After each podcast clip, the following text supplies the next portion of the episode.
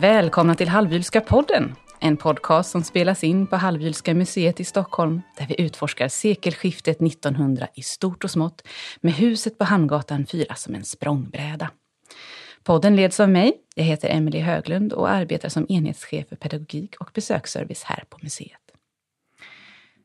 Möjligheten till elektrisk belysning kan sägas ha varit startskottet till byggnationen av Hallwylska palatset.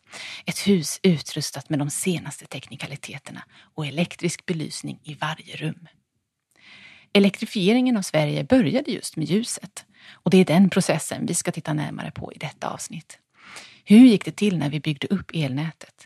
Vilka var de avgörande stegen? Vem hade möjlighet att använda den nya tekniken och hur förändrade det elektriska ljuset livet? Med mig idag är Samuel Norby, intendent för Hallwylska samlingen. Välkommen! Tackar! Och Anders Holtz, docent i teknik och vetenskapshistoria och forskningschef vid Centrum för näringslivshistoria. Välkommen! Hej. Tack!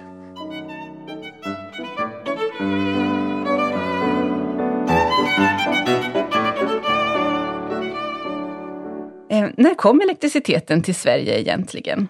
Var ser vi den elektriska belysningen först? Grundprinciperna för den elektriska utbyggnaden fanns länge på plats men det är egentligen de första tillfällena man ser att man använder elektriskt ljus är på 1860-talet och på 1870-talet kommer det igång på en del ställen i det mer permanenta sammanhang.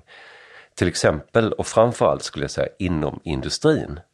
Och eh, man brukar prata om två sådana anläggningar som de här riktiga ställena. Det ena är Marma sågverk i Hälsingland och där drog man igång 1876. Och eh, ungefär samtidigt i Näs i Dalarna också ett sågverk. Och det är väldigt tydligt att det handlar just om belysning. Det är ljus man är ute efter med att installera elektriciteten. Och då handlar det ju om väldigt viktiga ekonomiska sammanhang där man faktiskt kan förlänga arbetsdagen genom att installera elektriskt ljus. Det här var inte den typen av glödlampor som man är van att tänka på när man tänker på sekelskiftet heller, utan det var båglampor. Ja, det stämmer bra det. De tidiga glödlamporna, alltså de tidiga elektriska lamporna är ju just båglampor som du säger. Och det, det är en sorts föregångare kan vi säga till den moderna glödlampan.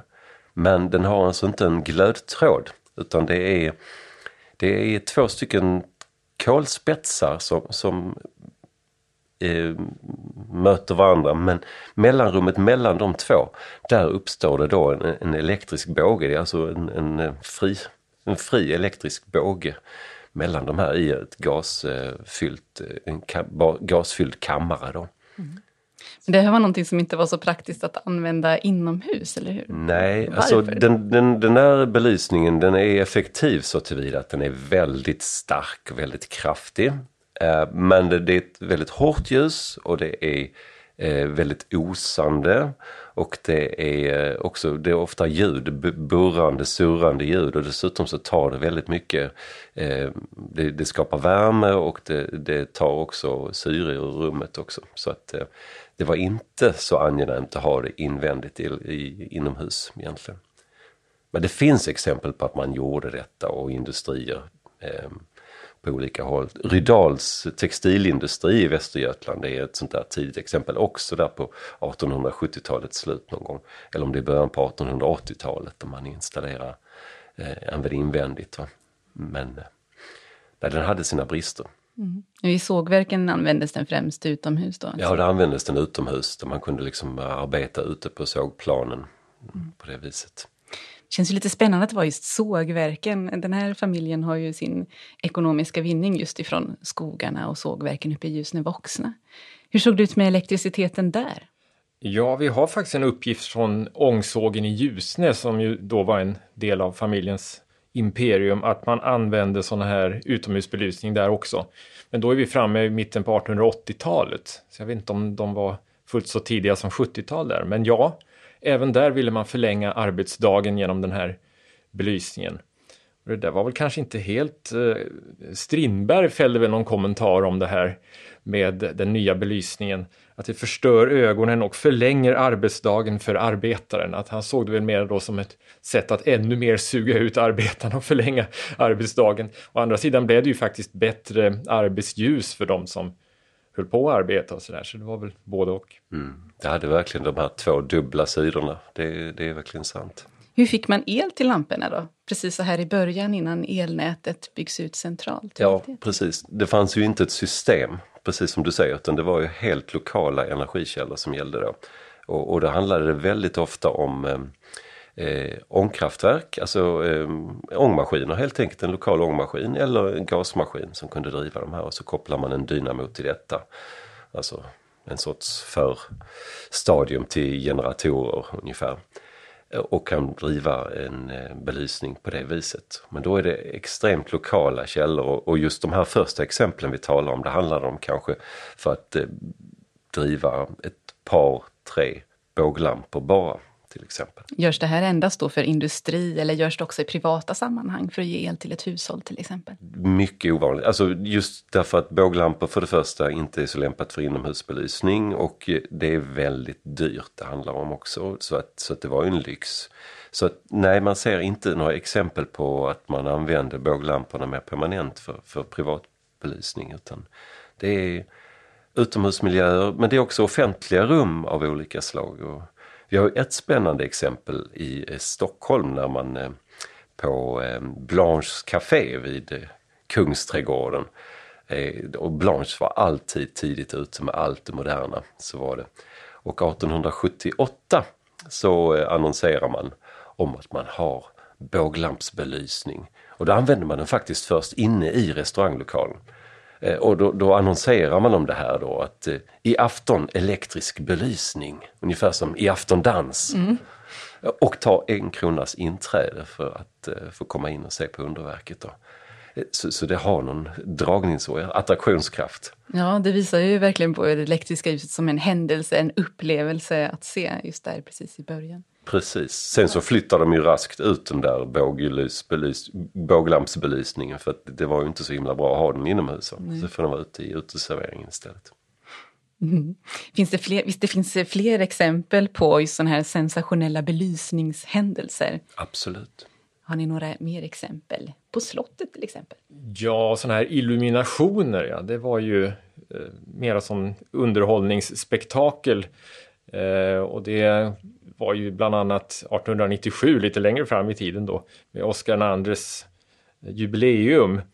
Eh, då den här fastigheten Hallwylska huset närmade sig sitt fullbordande. Då var det illumination och lite grann av fasaden här och på Kungliga slottet som du säger förekom det också. Så det var ju då elektriska spektakel som man kunde anordna när detta var en, en nyhet. Och de kommer faktiskt väldigt tidigt så att till exempel när eh, Nordenskölds, eh, alltså polarupptäckaren Nordenskölds eh, expedition med skeppet Vega kommer in till Stockholm och då är det 1880. Eh, och det är stort uppbåd och det är en enorm publik som samlats kring, kring stränder och kajar runt i Stockholm. Och då har man ju satt upp tillfällig elektrisk belysning redan 1880 alltså. Så, så det var ju, man hade den tekniska möjligheten för sådana här temporära, spektakulära grejer. Eh, och som ni säger också på Kungliga slottet lyste man upp när Oscar II skulle fira sin födelsedag 1800 när är vi nu inne på 1890-talet, jag tror det är 1893 eller något sånt där. Då så lyser man upp hela den här jättelika Vita havet, ett av de här riktiga paradrummen på slottet. Med en mängd elektriska lampor och, och tidningarna skriver ju om det här liksom som åh, Vita havet är ett ljushav. Ja. Så. Och även vid Stockholmsutställningen 1898 eh, så fanns ju en sagogrotta som det kallades där man kunde åka in med båtar och sen hade man klätt grottväggarna med eh, vad heter det? Eh, aluminium eller staniolpapper. Ja, just det, just det. Eh, och elektriskt upplyst och det skulle blänka både ja. i vattnet och på väggarna och så. Ja, det var ju, elektriciteten var ju ett stort nummer också på utställningen 1897 då. Eh, och alla glödlampor som förekom och eh, förevisades var väl av svensk tillverkning då också.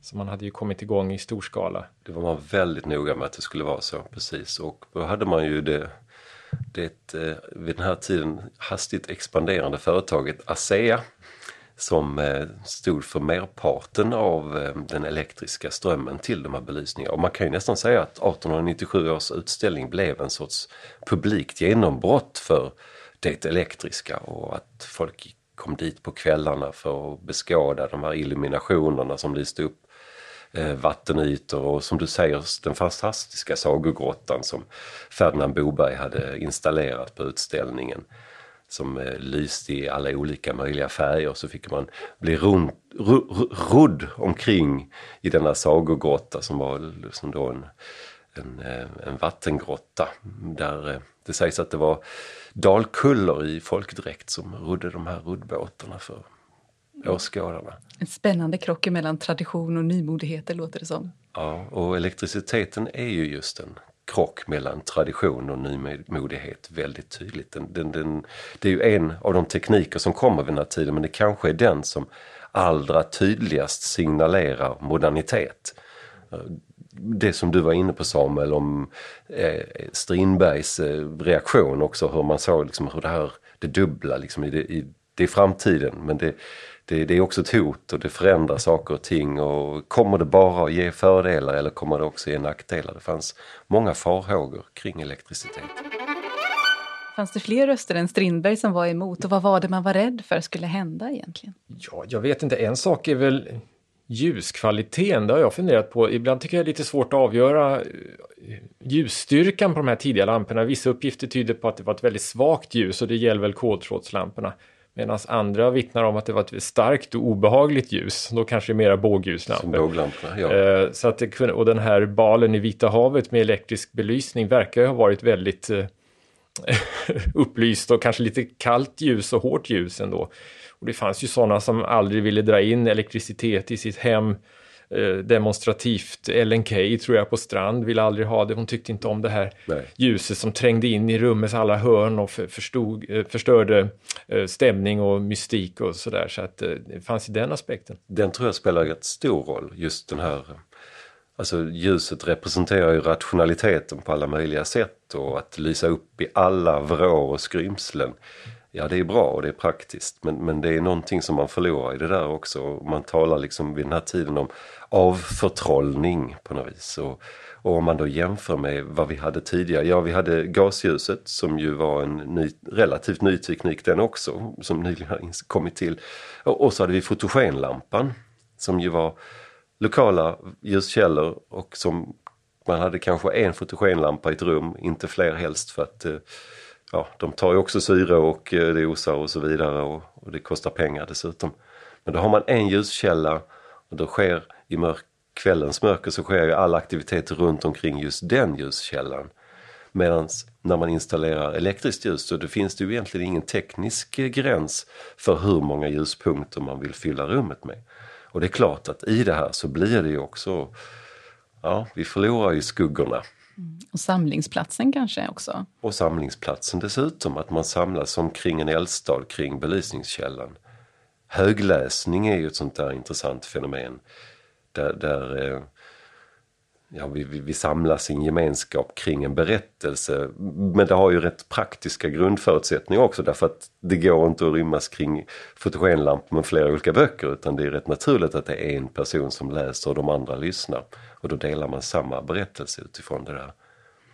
Eh, och ja, sådana kulturella sammanhang förändrades ju med, med elljuset. Mm. Och dygnsrytmen också, och årsrytmen kanske, med när man kan styra hur mycket ljus man har tillgång till själv. Ja, det blir, man tar ju liksom makten över ljuset med elektriciteten här och natt vändes till dag och så vidare och man kan eh, utnyttja de mörka timmarna till arbete på ett helt annat sätt än tidigare. Och det där är väl lite nästan Eh, kontra natura då, att människan är väl skapt för att vara inaktiv på när det är mörkt och natten och det förknippades med mystiska aktiviteter och sådär. Men nu så, då så kan man plötsligt eh, utföra fullt anständigt arbete eh, under de mörka timmarna också. Så, ja, det är ju väldigt stora konsekvenser för levernet överhuvudtaget som elektrifieringen får. Och, och inte bara för arbete, även för fest naturligtvis. Ja det lyser ju upp även för fest på, på kvällar och så vidare. Så, att det, så det blir också en uh, uppluckring mellan arbete och fritid. Och, Ja, och egentligen också privat och offentligt genom det här också. Allt det där har ju med det moderna att göra. Och ökade möjligheter att röra sig i gaturummet kanske också, när gatubelysningen kommer till. Ja, just det, för det gör den ju också ganska så tidigt. Eh, vi är har... det Härnösand som är först? Eller? Ja, alltså Härnösand är ju speciellt därför att Härnösand är först med ett eh, kommunalt eh, elverk i Sverige. De är, de är först av alla svenska städer 1800, jag tror det är 85. Eh, året innan vet jag att Göteborg hade också ett centralt elverk men det var privat. Men i Härnösand så är det alltså ett kommunalt eh, offentligt eh, elverk som då centraliserar det hela och, och, det gör ju att man har helt andra möjligheter att belysa gatorna precis som du är inne på Samuel. Eh, I Stockholm så har man ju då gjort eh, punktinsatser och lyst upp till exempel vid eh, Norrbro och Karlavägen var också ett sånt där tidigt upplyst stråk med såna här båglampor. Men det var då med helt lokala eh, kraftkällor intill just de här platserna. Ja, hur går det till sen när staden börjar samordna? Eller först måste jag nästan fråga, det känns ju nu som att det egentligen är i Norrland som det börjar. Det finns i alla fall pionjärinsatser i Norrland. De är ju också enstaka insatser där också. Det är kanske lite svårt att säga att det är ett tydligt mönster att det är på det viset. Men, men det, är nog, det är nog inte ett alldeles sammanträffande ändå. Men det är inte så att, att den här utvecklingen kommer från norr och sen sprider sig över Eh, i söder också. Det, det, är ju framförallt också ett, ett urbant fenomen på många sätt. Så det handlar mycket om städerna eh, när det väl kommer igång. Först mm. industrierna men sen också städerna. Precis, och där hade man kanske väntat sig att det skulle vara huvudstaden eller de här stora städerna som går i bräschen. Men det verkar inte riktigt vara så. Nej, det är ju väldigt intressant att det är på det viset. Och det, det tror jag handlar om väldigt speciella omständigheter på platsen egentligen. Och Stockholm hade ju då eh, investerat i eh, gasteknologin väldigt mycket och det fanns de nya moderna gasverken eh, som hade tagit plats och till skillnad från till exempel Göteborg så eh, lät man i Stockholm Gasverksstyrelsen ansvara för elektrifieringen också. Och då kommer de lite i konkurrens med sig själva då eftersom elektriciteten ska ersätta gasen? Eller? Precis. Så de konkurrerar ju faktiskt med sig själva här och vad är då den långsiktiga rationella satsningen för dem inom Gasverksstyrelsen? Den är ju inte alldeles okomplicerad. Det finns mycket forskning på det som Arne Kaiser, teknikhistorisk professor, har skrivit om. Stadens ljus. Så, att, eh, så det här kan förklara varför det tog så lång tid i Stockholm relativt sett jämfört med flera andra platser. Sen hade Stockholm många av de här lokala och privata eh, elektriska eh, kraftverken däremot.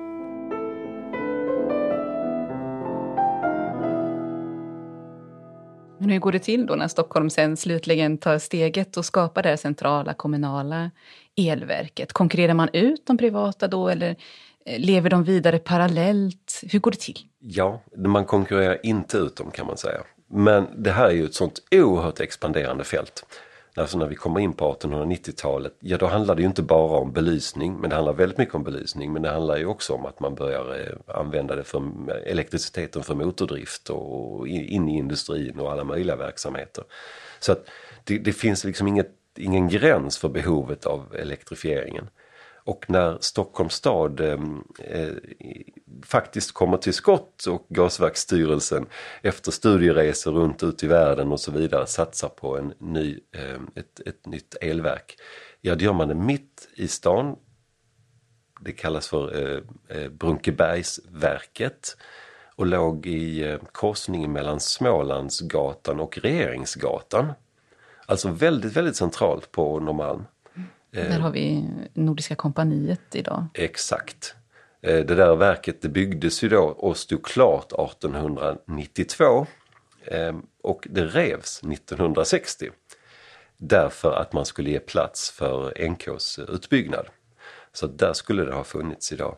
Det var Ferdinand Boberg, arkitekten, som ritade det här i typisk Ferdinand Bobergsk stil, en rätt fantastisk skapelse. Men det var ju samtidigt mitt inne i stan och det var ett elverk drivet med ångmaskiner i källaren, alltså koldrivna ångmaskiner Så att man kan ju föreställa sig de avgaser och föroreningar som kom från det här mitt i stan. Men så var det ju på den här tiden också att industriella verksamheter var ju liksom inkorporerade mitt i de centrala delarna. Mm, absolut. Men det var viktigt att den fanns i staden också, eller det behövde ligga nära användarna, eller hur? Mm, det var, Varför var det så? Det var anledningen till att man var tvungen att göra så här. Därför att eh, tekniken var inte utvecklad när det gällde just att överföra elektriciteten. Alltså att dra ledningar och vi hade till att börja med hade vi likström som, som huvudprincip. Det finns ju likström och växelström. Eh, och det gjorde också att överföringen på långa sträckor hade en väldigt stor energiförlust. Då gällde det att ha väldigt kort mellan energikällan och belysningspunkten. Så därför så, det gynnade ju också de här privata ehm, eh, elverken. Men eh, till exempel så, så fick, var vi tvungna att placera det här elverket mycket centralt i stan. Till exempel var det väl var det 300 meter till Hallwylska huset. Det är väl något sånt ja. ja. Så, och det, så det var ju väldigt lämpligt för den här familjen. Jag tänkte på det här med de privata elverken som kanske var kvar parallellt. Ja. Men jag hittade i arkivet här ett reglemente för eh, elanvändning från Elektricitetsverket 1894 som fru Kempe, grevinnan Hallbys mamma, tydligen hade fått. Hon bodde ju på Hamngatan 2 här och hade el, elljus från början. Och där står det ju då att eh, rekvirenten förbinder sig att begagna ström enbart från Elektricitetsverket. Så att om en fastighetsägare hade väl ansluter sig till det här kommunala allmänna elverket, då var det inte tal om att kanske komplettera med ett privat elverk vid sidan om eller någonting sånt, utan då var det det som gällde. Precis, så då förstår man hur man konkurrerar om, om, om kunderna och andelarna verkligen och, och den, den, där konkurrensen den höll i sig. Ja, det här centrala kraft elverket det kom ju 1892 men de privata pikar någonstans kring eh, 1910. Så de fortsätter att växa parallellt. Eh, och, och, och vid det laget så var ju faktiskt Brunkebergsverket i sig föråldrat och alldeles på tok för litet och hade fått en ersättare också. Därför att man bygger ju, man börjar redan på 1890-talet och, och inser att man måste projektera för ett nytt elverk. Och då ligger det ute vid Värtan där det finns gas, ett stort gasverk redan sedan tidigare och där bör man bygga ett betydligt större elverk än det, än det första. Hur stor kapacitet hade det första? Ja, det var ju då projekterat för ungefär 10 000 glödlampor men när det invigdes 1892 så finns det en siffra på att man försörjde 1024 glödlampor i staden. Men sen så efter bara några få år så kunde man öka kapaciteten. Det var ju så intressant att man, man räknade i antal ljuspunkter, antal glödlampor. Man betalade alltså också för per glödlampa. Ja, det har ju du sett i arkiven också Samuel. Ja, just det. Till exempel då eh, fru Kempe, grevinnans mor, som 1892 redan ansluter sig och ska ha elbelysning i sin modesta tiorumsvåning här. Hon hade kontrakt med elverket för 49 glödlampor, vilket är mycket alltså. Hon hade nog el i varje rum verkar det som då. Mm, mm. Får man glödlamporna via elverket också då? Nej. Eller är det bara försör försörjningen till ja. dem? Ja, det är försörjning till dem. Glödlamporna är förbrukningsmaterial. Glödlamporna är inte billiga. Och inte minst de tidiga glödlamporna. Vi har ju inte riktigt pratat om glödlampstekniken. Den är ju, det är en historia för sig den alltså. Vad rör vi oss i tiden nu? Jag tänker båglampan om den kom på 1870-talet. När kommer mm. glödlampan, Glödlamp den ikoniska Edison Glödlamporna kommer också på 1870-talet. Men det sker parallellt både i USA och i Storbritannien och det är Edison, den världsberömde uppfinnaren i USA. Som så ofta med Edison så, så är det liksom kapplöpning om även denna tekniken. Han var en av världens mest framgångsrika uppfinnare men han var en sån som hela tiden höll ögonen öppna efter vad som hände runt omkring honom och när han såg att ett teknikområde var på gång då intresserade han sig för det och så var det med glödlampan också. Och så är det den brittiska uppfinnaren Swan som parallellt kommer fram till en lösning där man har en eh, organisk ståltråd i glödlampan, ofta av bambu som eh, ljuskälla. Och det är den första tidiga, kallas då koltrådsglödlampan. Och eh, det gjorde ju att de här glödlamporna var dels dyra och men extremt sköra. Eh, man fick byta dem ofta, ofta. Så att det var ganska dyr och eh, ganska opolitlig teknik till att börja med. Men det är sådana glödlampor man har i början av Hallwylska husets eh, tid. Här. Är det därför som båglampan eh, blir den som byggs ut först?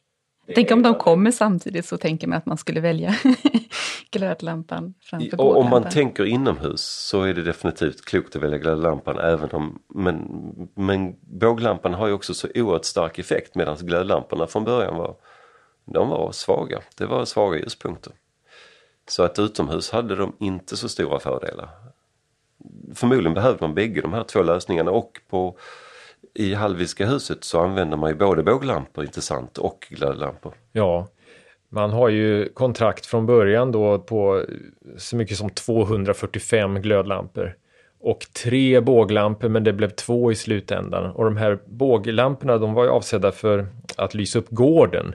Två hängande lyktor där. En utomhusmiljö alltså som krävde det här starkare ljuset. Men inne så glöd och 245 det är ju det är ju my verkligen mycket. Och vi brukar ju ofta, stoltsera, vi brukar ofta stoltsera med det här att det var eh, ett av de första elektrifierade hemmen av sån storlek då med el i varje rum. Ja, ja, inte bara där det syns för gäster, eh, utan även i de privata utrymmena, tjänstefolkets eh, utrymmen och ekonomiutrymmen, till och med i skrubbar. skrubbar, stall, överallt. Det är rätt exceptionellt att man fyllde huset med elektricitet på det här viset.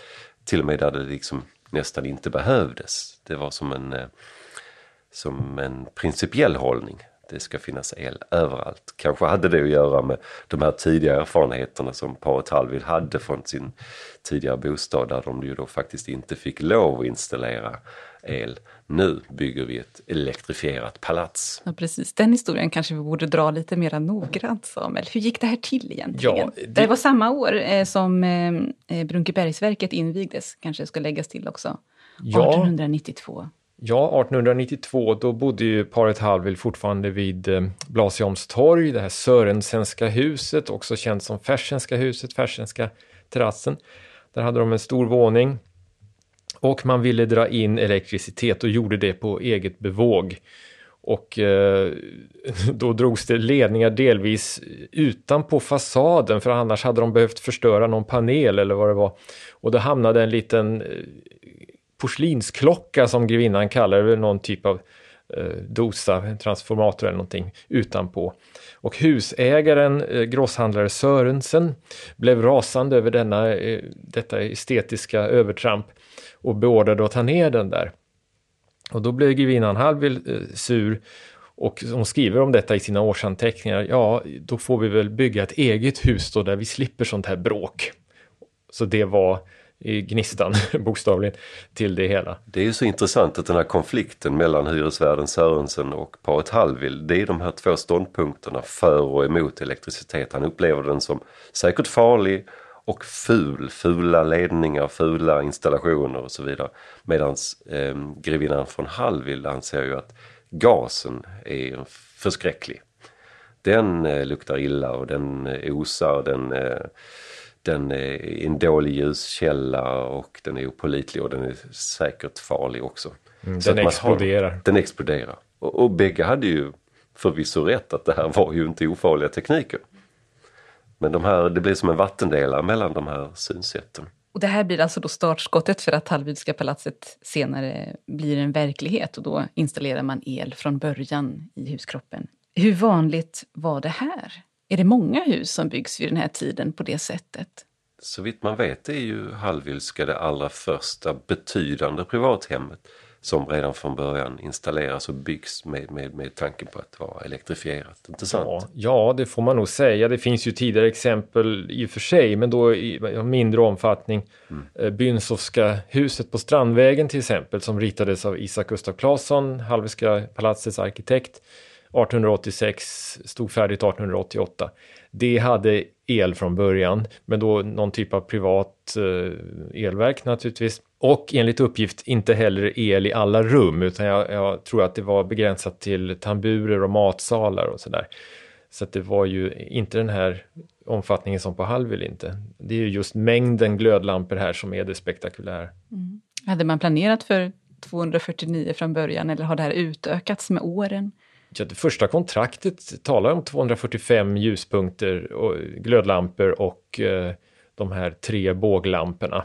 Så det, och det är väl 1896 eller någonting sånt. Mm. Så det var ju klart från början. Plötsligt började jag fundera på det här med hissen som ju också är elektrisk. Var det mm. också tänkt från början? att den... Ja, det, det var det för att eh, det är så trånga hisschakt där också så att då är det bara elhisstekniken som fungerar så att det, det var tänkt så. Det är ju också oerhört tidigt så att det är väldigt intressant att se och det här huset är ju spännande på det viset att det är så sprängfyllt av den nya tidens teknik samtidigt som det yttre skalet är så traditionellt. Det är som ett venetianskt palats och Isak Gustav Claessons arkitektur liksom i, rör sig inom de välkänd, välkända stilarna. Men sen så innanför det där höljet så, så finns allt det moderna men det är på något vis inkapslat i saker och ting som är igenkännbara istället för kanske att göra dem mera eh, acceptabla. Ja, det där är ju väldigt intressant, ganska typiskt för tiden och vi ser det ju också i den stora utställningen 1897 där man kan besöka det återskapade gamla Stockholm, 1500-talsmiljöer med statister i renässansdräkter och sådär. Många eh, alster också på det konsthantverksområdet är ju fortfarande historiserande stil och, och samtidigt då denna nya teknik som lanseras med full kraft. Och det där eh, märker man ju i en hel del privathem tycker jag vid den här tiden, även utomlands i USA och sådär. Att estetiskt är man tillbakablickande, historieromantiken härskar fortfarande ganska oinskränkt faktiskt eh, i möblering och sådär. Men man vill ha det senaste tekniken och komforten. Jag tror ordet komfort är ganska centralt här också. Eh, alla den bekvämlighet som följer med den här nya tekniken, det vill man ju ha då i dessa välbärgade hem. Mm. Verkligen. Det är ju intressant att det skrivs mycket när Hallwylska huset byggs eftersom det här är ett sånt betydande projekt. Och det recenseras och så vidare. Men man kommenterar inte den här moderna tekniken i det som har skrivits. Jag har i alla fall inte hittat den sortens recensioner alls. Jag förväntade mig att man skulle kommentera ja, de elektriska hissarna och alla, alla belysningarna och eh, den eh, elektriskt drivna porten som öppnade och stängde eh, och så vidare. Men, men ingenting av det där skrivs de utan det handlar om de estetiska och traditionella värdena hela tiden. Ja, det stämmer faktiskt. Eh, samlingarna kommenteras och så vidare. Ja. Så att eh, tekniken är väl dold. Den ska finnas där och verka men inte göra mycket väsen av sig, sig själv. Man kan ju jämföra med just Ferdinand Boberg. Här har vi Isak Gustav Claesson som bygger det här huset och eh, ritar det här huset. Och, eh, Medan Ferdinand Boberg som är en av de som recenserar förresten. Mm. Eh, ja, i hans arkitektur så är däremot ofta den nya tekniken extremt explicit och till exempel förekommer glödlampor i dekoren på fasaden av elverket och liksom i, i eh, putsfriser och annat så har man liksom avbildat glödlampor. Och om vi kommer till Valdemars udde som ju eh, Boberg ritade. Ja, där ser vi armaturer där man verkligen ska se att det här är minsann elektriskt ljus. Här ser vi glödlampan i sig och i sin egen prydno. Så. Det är ingenting man ser på halvilska. Där är det dolt. Men han nämner inte heller detta trots att han då egentligen Nej. har blicken på det? Inte när han mm. recenserar huset. Mm. Inte med ett ord. Mm, spännande.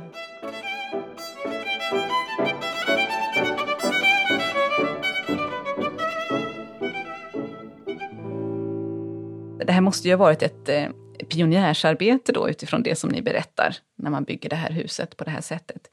Var det ett förutsägbart projekt eller stöter man på patrull och behöver planera om? Hur gick det till och var det, väldigt, var det kostsamt? Det var kostsamt och naturligtvis ett stort anläggningsarbete men det var en eh, ändå rutinerad firma som gjorde det, får man ju säga, trots att tekniken var relativt ny. Lut och Rosén gjorde installationen av elen här i huset. Och det var väl eh, en av de första firmorna, eller hur, i branschen? Det var det, en av de första och verkligen betydande i slutet av 1800-talet i Sverige och som konkurrerade med ja, det som sedan blev elekt eh, ASEA, Elektriska aktiebolaget som det hette till att börja med, som blev ASEA. Eh, Luther Rosén var ju en stor, en stor konkurrent till dem och Stockholmsbaserad sådan, först på Kungsholmen men sedan nere på Södermalm vid Rosenlundsgatan. Han hade en jättestor anläggning finns eh, spår av den idag men en stor eh, fabriksanläggning där och man arbetade alltså mot Hallwyl på en löpande räkning. Och man kan säga att det var ett långt projekt. De första kontrakten, när är de från? 1890-talets mitt då någonstans, ja, 95. Taget, så blir det ju ett väldigt dyrt projekt. Ja, vad var det, 16 000 eller någonting? Ja, för, för anläggningskostnader? Jag har sett tidigare, de första avtalen tror jag att man ligger någonstans på strax under 4000 kronor. Sen precis som du säger så, så, landar man någonstans kring 16 000 kronor istället för elektriciteten. En fyrdubbling egentligen utav ja, då? Ja, precis. Och, och, i dagens penningvärde skulle jag tro att det här ligger någonstans på miljonen. Så det är dyr el. Mm. Vad kostar det att driva det då? Ja, det, eh, man kan ju säga också att Luthor och Sen var ju entreprenörer här sedan länge för reparationer och ändringar och sånt ända fram till 1926 vad jag kunde se. Men sen är det ju då elförbrukningen också, elräkningarna helt enkelt, från Stockholms elektricitetsverk. Där försökte jag kolla lite i arkiven vad vi kan se. Räkningar och sånt är ju bevarade och eh, kassaböcker också. Jag tittade på två år där som nedslag. Året 1899 till exempel. Man betalade kvartals eller tertialvis fyra månader i taget. Så man brukade betala i april, oktober och december. Och då året 1899 så var det 1238 kronor som man betalade i april. 533 kronor i oktober, alltså mindre för det hade varit sommarperioden när man inte vistades här så mycket. Och sen i december 1393 kronor, totalt 3164 kronor för det året. Vilket gör ungefär 264 kronor i månaden. Och kilowattpriserna, kilowattimmepriset verkar ha legat på ungefär 50 öre. Och vad är 50 öre om man tänker mer utifrån dagens värde? Ja, jag jämförde med min egen elräkning och det är ungefär, var ungefär samma. Så att alltså väldigt mycket. Mitt uppe i elkrisen kanske man ska säga nu också ifall det här avsnittet eh, fortlever några år. Ja. så förhoppningsvis eh, stämmer inte den här jämförelsen om man lyssnar på detta i framtiden, men vem vet? Det är sant. Och det är klart att det här sätter ju våran elkris idag i visst perspektiv när man tänker hur, hur dyr elen var på den tiden. Och, och ändå användes den ju ja, väldigt mycket på Hallwylska, i Hallwylska huset men jämfört med idag så var man naturligtvis inte särskilt elberoende. Nej precis, idag är det ju en del av vår infrastruktur på ett helt annat sätt än, än vad det var vid den här tiden. Då är det ju lite, får man väl ändå säga, en sorts lyxkonsumtion.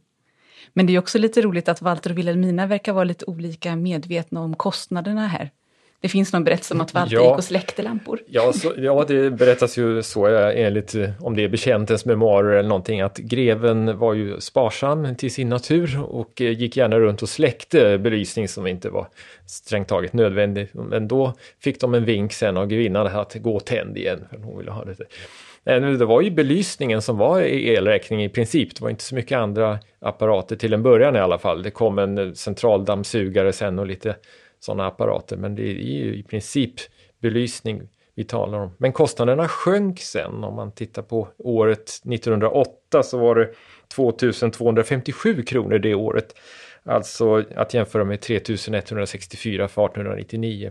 Det är intressant. Och vid precis den där tiden, slut 1808, 1809, 1810, så kommer ju också den moderna glödlampan som ersätter de här eh, eh, koltrådslamporna med bambutråd och då får man metalltråd i glödlamporna istället.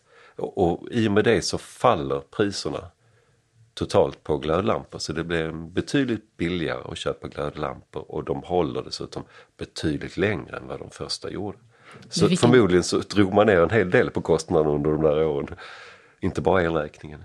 Och då fick ju elanvändandet en bredare marknad också i och med glödlampans eh, vidareutveckling. Absolut. Hur såg egentligen ett mera konventionellt elanvändande ut? Om vi nu tänker på det här huset blir ju lite av ett unikum och eh, paret von Hallwyl hade ekonomiska möjligheter som de flesta saknade. Om man tittar på arbetarklassen, om man tittar på landsbygden, hur använder man den elektriska belysningen där? Man måste verkligen skilja på, på både land och stad och, och olika samhällsklasser, definitivt. Det är sant. Men elektrifieringen kommer ju väldigt eh, starkt i städerna. Eh, det är en oerhört snabb utveckling på 1890-talet, 1910-talet och kring 1910 så är det vanligt med åtminstone någon form av elektrisk belysning även i enkla bostäder i städerna. Men inte alls på landsbygden däremot, utan där tar det mycket längre tid. Så att det, det finns en väldig förskjutning här. Eh, sen så kommer ju första världskriget och genom det så förändras förutsättningar på väldigt många olika sätt.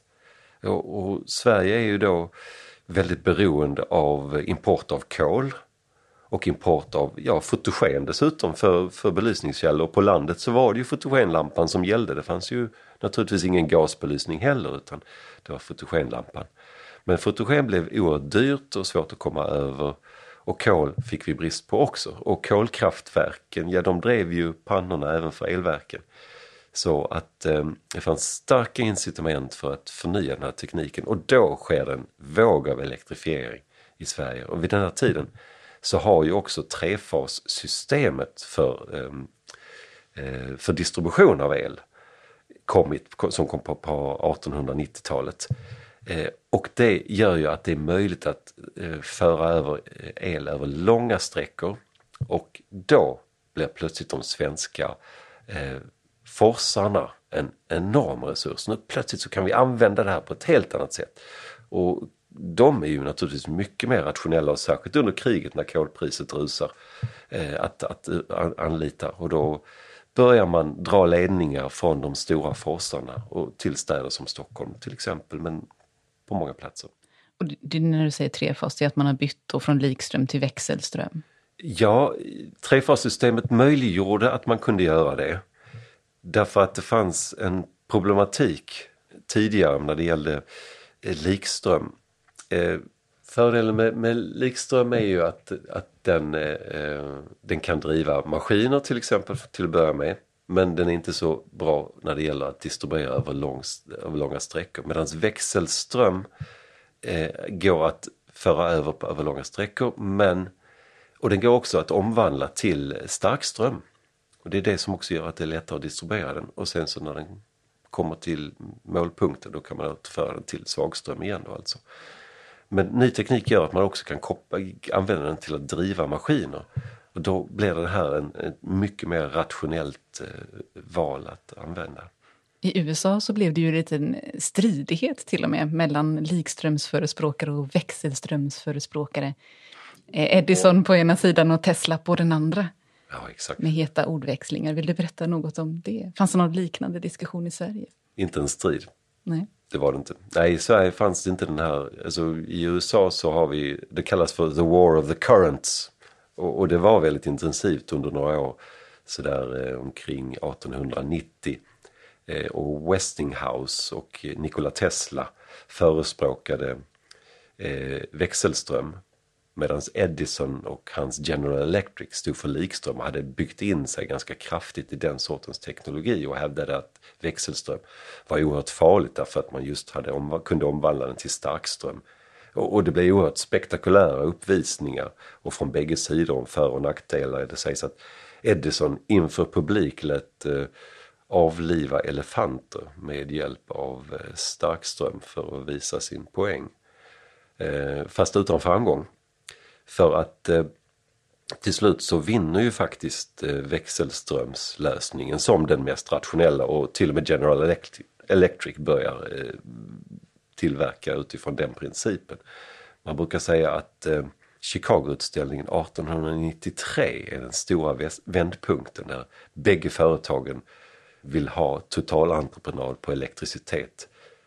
Eh, och då vinner eh, Westinghouse och Tesla-modellen framför Edison. Så det är på något vis växelströmmens eh, markering. Man har vunnit the war of the currents.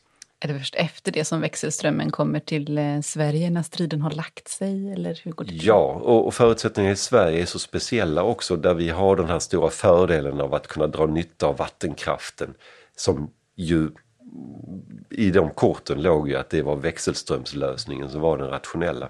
Och vi har den svenska uppfinnaren Sven Wenström som var knuten till ASEA som lanserade trefassystemet som blev det sätt man kunde förmedla det här på.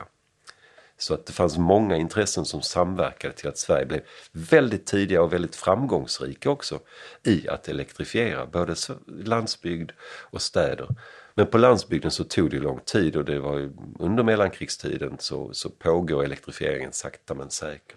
Jag tänker på det här med elbelysningens utbredning. Man kan väl ändå säga att i tiden före första världskriget är det fortfarande någonting ganska exklusivt. Sådär, va? Jag såg eh, lite statistik nämligen vad gäller Stockholms lägenheter 1912. Då var det 22 procent i genomsnitt som hade elektrisk eh, belysning. Men om man tittar närmare så var det 3 procent av enrummarna som hade det. Medan 87 procent av stora våningar på sju rum eller mer hade el.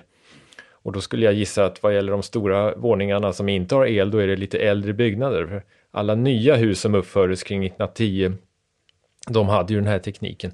Och det kunde vara till exempel matsalar med inbyggd armatur i taklisterna och sådär, i, i glober. Och, så att, eh, men det, ja, så absolut eh, någon slags klassperspektiv där. Att, eh, utbredningen var ju olika, på olika i olika eh, samhällsgrupper och sådär. Mm, absolut. Jag tycker det är spännande det som du berättar också om hur kriget ger den här stora tekniska språnget i Sverige och verkar för utbyggnaden av elnätet där. Kanske också just utifrån, utifrån den situationen som vi befinner oss i idag, eh, där eh, kriget i Ukraina eh, har påverkat elmarknaden i Europa oerhört.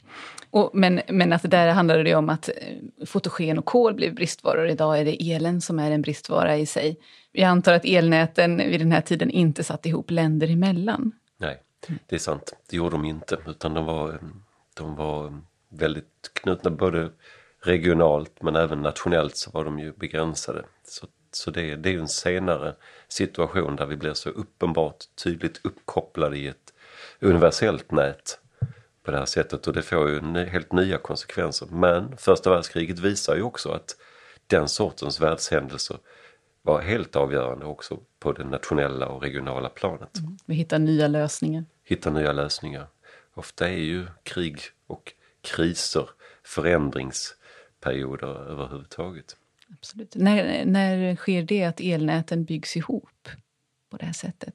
Ja, det är ju en gradvis eh, process kan man säga som egentligen skulle jag säga får betydelse först efter andra världskriget. Så det, det är egentligen ett senare förlopp än det vi talar om här utan det, det, det är långt senare och att vi får en gemensam, eh, tydligt gemensam energimarknad är ju någonting som först går att avläsa, ja egentligen kanske tydligast i och med oljekrisen på början av 1970-talet då det blev så uppenbart att energimarknaden var global vid det laget.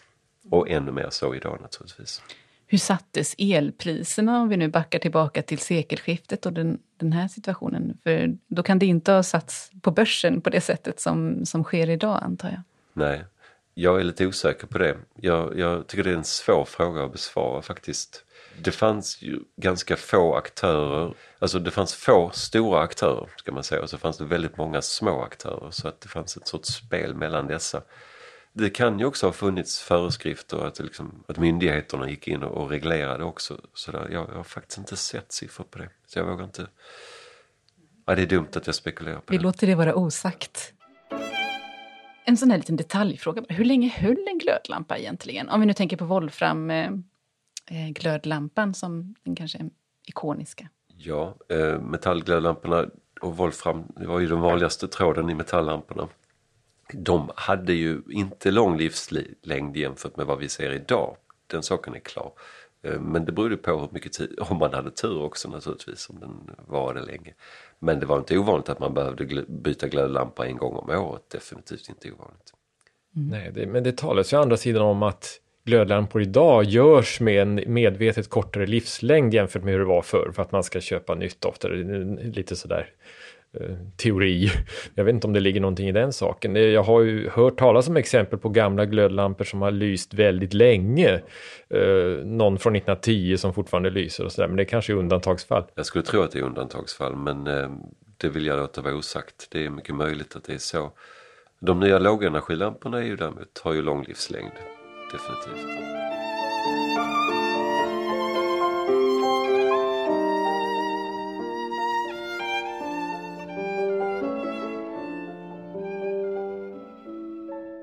När den elektriska belysningen sedan vinner mark, då krävs ju också nya armaturer som är gjorda för det här. Vad var det som utmärkte dem? Kan man se hur, de, hur skiljer de sig från de som är gjorda för fotogengas eller levande ja, ljus? Ja, en avgörande skillnad är ju med de här glödlamporna att de kan ju vara riktade åt vilket håll som helst. Nu får vi för första gången lampor som kan hänga neråt till exempel. Så att eh, då kommer ju en ny eh, typ av armatur också. Och eh, lampskärmar av nya modeller och så vidare. Eh, textila lampskärmar kommer ju så småningom. I början är det dock populärt att eh, ha armaturer utan någon skärm alls. Man liksom vill visa det här nya kanske. Och det var ganska svaga lampor dessutom som kanske inte tålde att ha en skärm på sig. Men det finns ju, och det är ganska intressant i det här huset då, att man låter göra om gamla armaturer för elektrisk belysning. Eh, framförallt, det är ju så grevinnan gör. Hon har sin, ett 30-tal antika ljuskronor som hon drar om för elektrisk belysning så att det är knappt märkbart då med den här nya ljuskällan. Men också några eh, närmast skulpturala armaturer som de har i byggnaden. Två eh, statyer utanför porten till exempel, som kan, Aftonen och gryningen som är specialgjorda av skulptören Gusten Lindberg och håller upp elektriska glödlampor. Och där hittade jag i arkivet ganska nyligen här att de tydligen funderade på att köpa sådana från en firma i Tyskland. Figurlampor som man talade om i nästan naturlig storlek. Eh, men man valde istället då att låta Gusten Lindberg utforma dem. Och vi har ju en eh, elektrisk drake också, en armatur i portvalvet som leder upp till kontorsdörren som formgavs av Alf Wallander. Så att, specialformgiven. Men ja, eh, på mer allmänna marknaden så kommer ju nya lamptyper då som är specifikt för elektrisk eh, belysning. Det som vi brukar kalla Strindbergslampan kommer ju och, och, till exempel. Inför eh, inspelningen av det här avsnittet så visade du mig lite bilder som du hade hittat i arkivet också, från lampor som man aldrig köpte. Och de, eh, en del av dem såg ju väldigt spektakulära ut. Jag tänker på den här med påfåglar och torkade växter. Ja, Beskriva och, den lite. Ja, det, och de var ju ganska stora i måtten såg vi när vi tittade efter, en och en halv meter höga. Så jag tror att det var de man funderade på att köpa till nischerna utanför eh, entrédörrarna där eh, tysk firma vars namn jag nu undandrar sig mitt minne, men ganska eh, ja, utformade med hög detaljgrad, eh, lite kitschiga måste man nästan säga. Så att eh, de valde då istället som sagt Gusten Lindbergs skulpturer som är något mer återhållsamma i utformningen. Men det fanns uppenbarligen på marknaden då tidigt dessa specialgjorda elektriska armaturer utformade mer som konstverk och skulpturer och mytologiska figurer och så vidare. Var det vanligt att som Vilhelmina göra om äldre eh, armaturer? Eller är det här mer ett uttryck för hennes noggrannhet att eh, inte bryta mot den historiska stilen hon har valt för rummen. Det förekom faktiskt här och var, det har man ju sett exempel på, men hon var ju väldigt systematisk här med detta. Och det var ju så många armaturer som skulle elektrifieras. Ett 30-tal ljuskronor, det är ljusarmar, amplar, lyktor och allting gjordes ju systematiskt om för elbelysning. Eh, så att det, men det är ju då naturligtvis hennes estetiska vilja att inte bryta den historiska känslan som, som ligger bakom detta. Och det ser man exempel på i andra hem också vill jag påstå. Så det är inte unikt men hon var väldigt eh, systematisk med det här. Ja, och det är också intressant hur hon eh, eh köper upp ljuskronor köper på auktion, köper ljuskronor som byts ut ifrån kyrkor. Ja men det, det här är ett stort teknikskifte så att det finns eh, stearinljuskronor som kyrkor vill sälja, då köper grevinnan upp dem och i den här miljön, ja där passar de in. Där har de liksom en naturlig placering om man då bygger in elektricitet i dem. Så det är ju verkligen ett systematiskt sätt att gå tillväga på. Ja, det verkar ha varit så i något fall att en kyrka sålde en gammal krona för de ville ha elbelysning istället och trodde väl inte att det skulle gå att göra om den här gamla kronan för el. Men just det gjorde ju då grevinnan Hallwyl när den hamnade i hennes hem. Mm var ganska systematisk också när det gällde utseendet på själva installationerna. Jag tänker på strömbrytarna och så. Vill ni berätta om dem? Strömbrytarna är ju intressanta, ja, för att det är ju de ligger till att börja med i liv med väggen, jäms med väggen. De sticker inte ut som annars var normen. Utan det, det är bara den här lilla brickan som kanske sticker ut ett par millimeter. Och sen har de strömbrytare som är specialformgivna.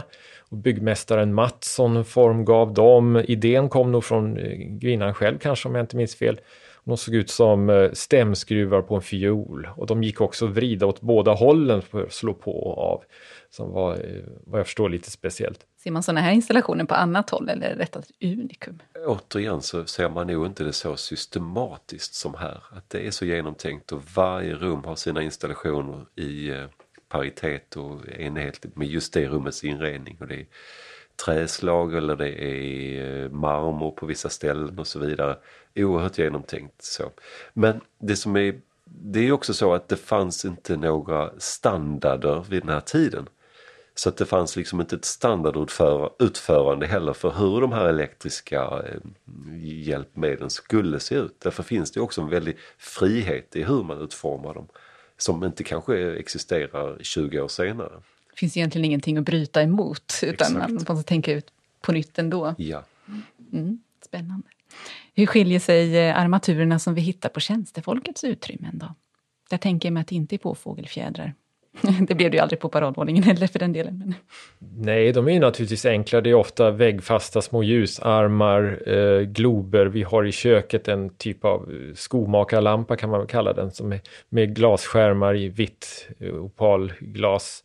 Eh, och den är höj och sänkbar den också, så att praktiska aspekter var ju det viktiga där naturligtvis. Även om de är ganska snygga och prydliga, eh, även dessa armaturer naturligtvis. När vi ändå talar om lampor i huset så måste vi även nämna den här båglampan som finns i badrummet.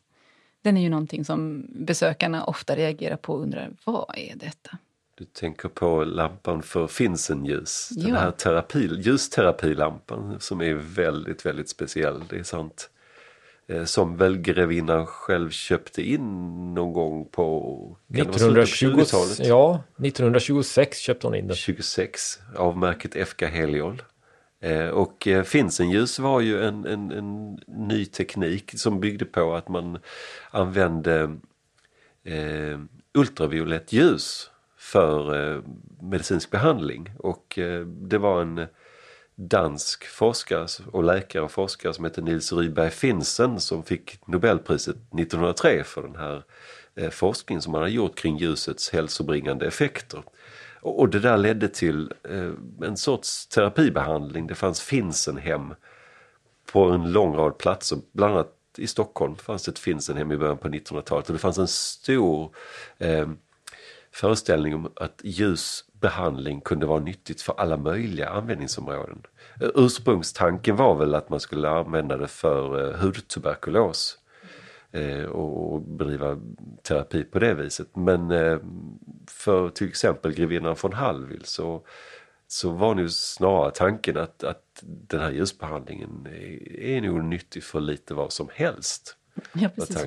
Hudtuberkulos känner vi inte till att hon led utav. Nej. Utan Nej. det måste varit någon annan tanke med detta. Den onda ryggen kanske hon var ute efter att behandla till exempel, ja. kan jag tänka ja. mig. Det fanns ju en föreställning om elektricitetens nyttobringande effekter överhuvudtaget i slutet på 1800-talet, början på 1900-talet och en omedvetenhet också om strålningens farliga konsekvenser. Jag menar eh, röntgenstrålningen och röntgentekniken blir ju ett folkligt nöje när den kommer på 1890-talet. Man kan gå på nöjesfält och röntga handen bara för, för att se sitt eget skelett utan någon som helst medvetenhet om att det finns hälsorisker för det här. Vad finns sen? Behandlingen riskabel alltså? Det visade sig ju vara det. Den hade väl sina absolut eh, verkningar inom specifika områden men den hade ju också klara konsekvenser när det gäller hudcancer. Så att de här finsen hemmen de upphör ju på 40-talet någon gång sådär när man blev klar över, över högenergi och UV-strålnings eh, negativa konsekvenser också. Men så vitt vi vet så lär väl inte grevinnan von Hallwyl haft några men av sitt bruk. Nej, det tror jag inte. Jag Nej, att hon, hon stod emot det mesta. Eh, den här eh, lampan för mig kan kännas lite grann som en nästan symbol över den stora tilltron till elektriciteten som fanns vid den här tiden och allt som den skulle kunna uträtta. Verkligen. Och att man liksom har det här förtroendet för det. Man, man, eh, man lägger också sin kropp i, i händerna på den nya tekniken på det här sättet. Så det, det är, en, eh, ja, det är en symbolisk handling närmast. Mm.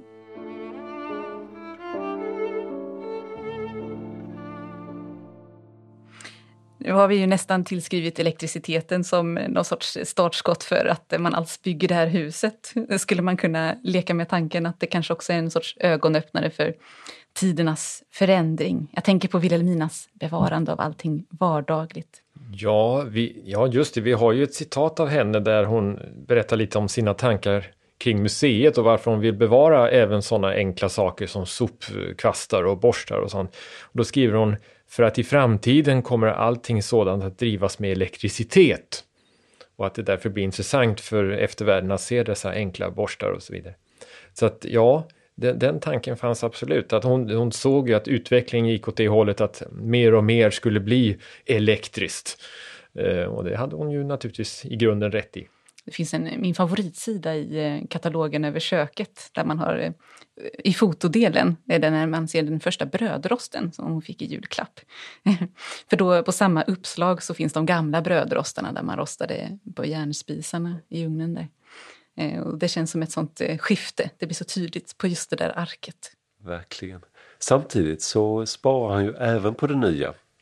Så det är inte bara att hon vill bevara den teknik som hon ser kommer att bli obsolet utan hon sparar ju även det elektriska. Det är vi ju väldigt glada för idag. Så I samlingar finns ju en oherrans massa glödlampor från tidig period till exempel och en massa andra installationer, ja. eller hur?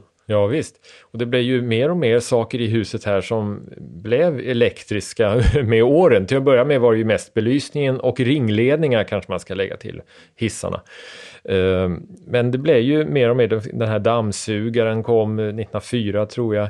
Och sen till slut fick man ju också sköta uppvärmningen av en stor del av huset med elektriska kaminer. Det var ju när det här centralvärmesystemet med varmluft havererade, det som de hade installerat och som visade sig ha stora brister, bland annat med den sotiga luft som kom in. Så då skaffade man eh, ett 20-tal elektriska kaminer eh, för att placera i de finare rummen. Man hade dragit in eh, vattenelement i vissa av de bakre regionerna av huset. Man, man vill inte ha det i de finare salongerna. Så då köpte man de här lösa eh, elektriska kaminerna. Kunde tas bort när gäster anlände och sådär. Men det fick ju konsekvenser för elräkningarna i hög grad alltså, för vi talade tidigare om ungefär 3000 om året 1899, eh, 2 500 vad det var eh, 1908. I början på 10-talet med kaminerna hamnar elräkningarna på över 16 000 kronor. Så det blev ju, och det blev ohållbart naturligtvis i längden. Så att, ja, det blev lite problem med det. Där kanske man skulle kunna använda sig av det här vanliga spartipset nu, att sänka inomhustemperaturen någon grad. Eh, ja, men det, det vill ju inte grevinnan inte. Hon var frusen, notoriskt frusen och ville ha sina 25 grader minst eh, i, i rummen. Precis, en åldrande dam, då brukar man vilja ha det lite varmare om sig också. Mm, det får bli slutklämmen för det här avsnittet. Tack så mycket för att ni kom hit och berättade om allt detta. Tusen tack. Tackar. Och tack alla ni som har lyssnat till oss.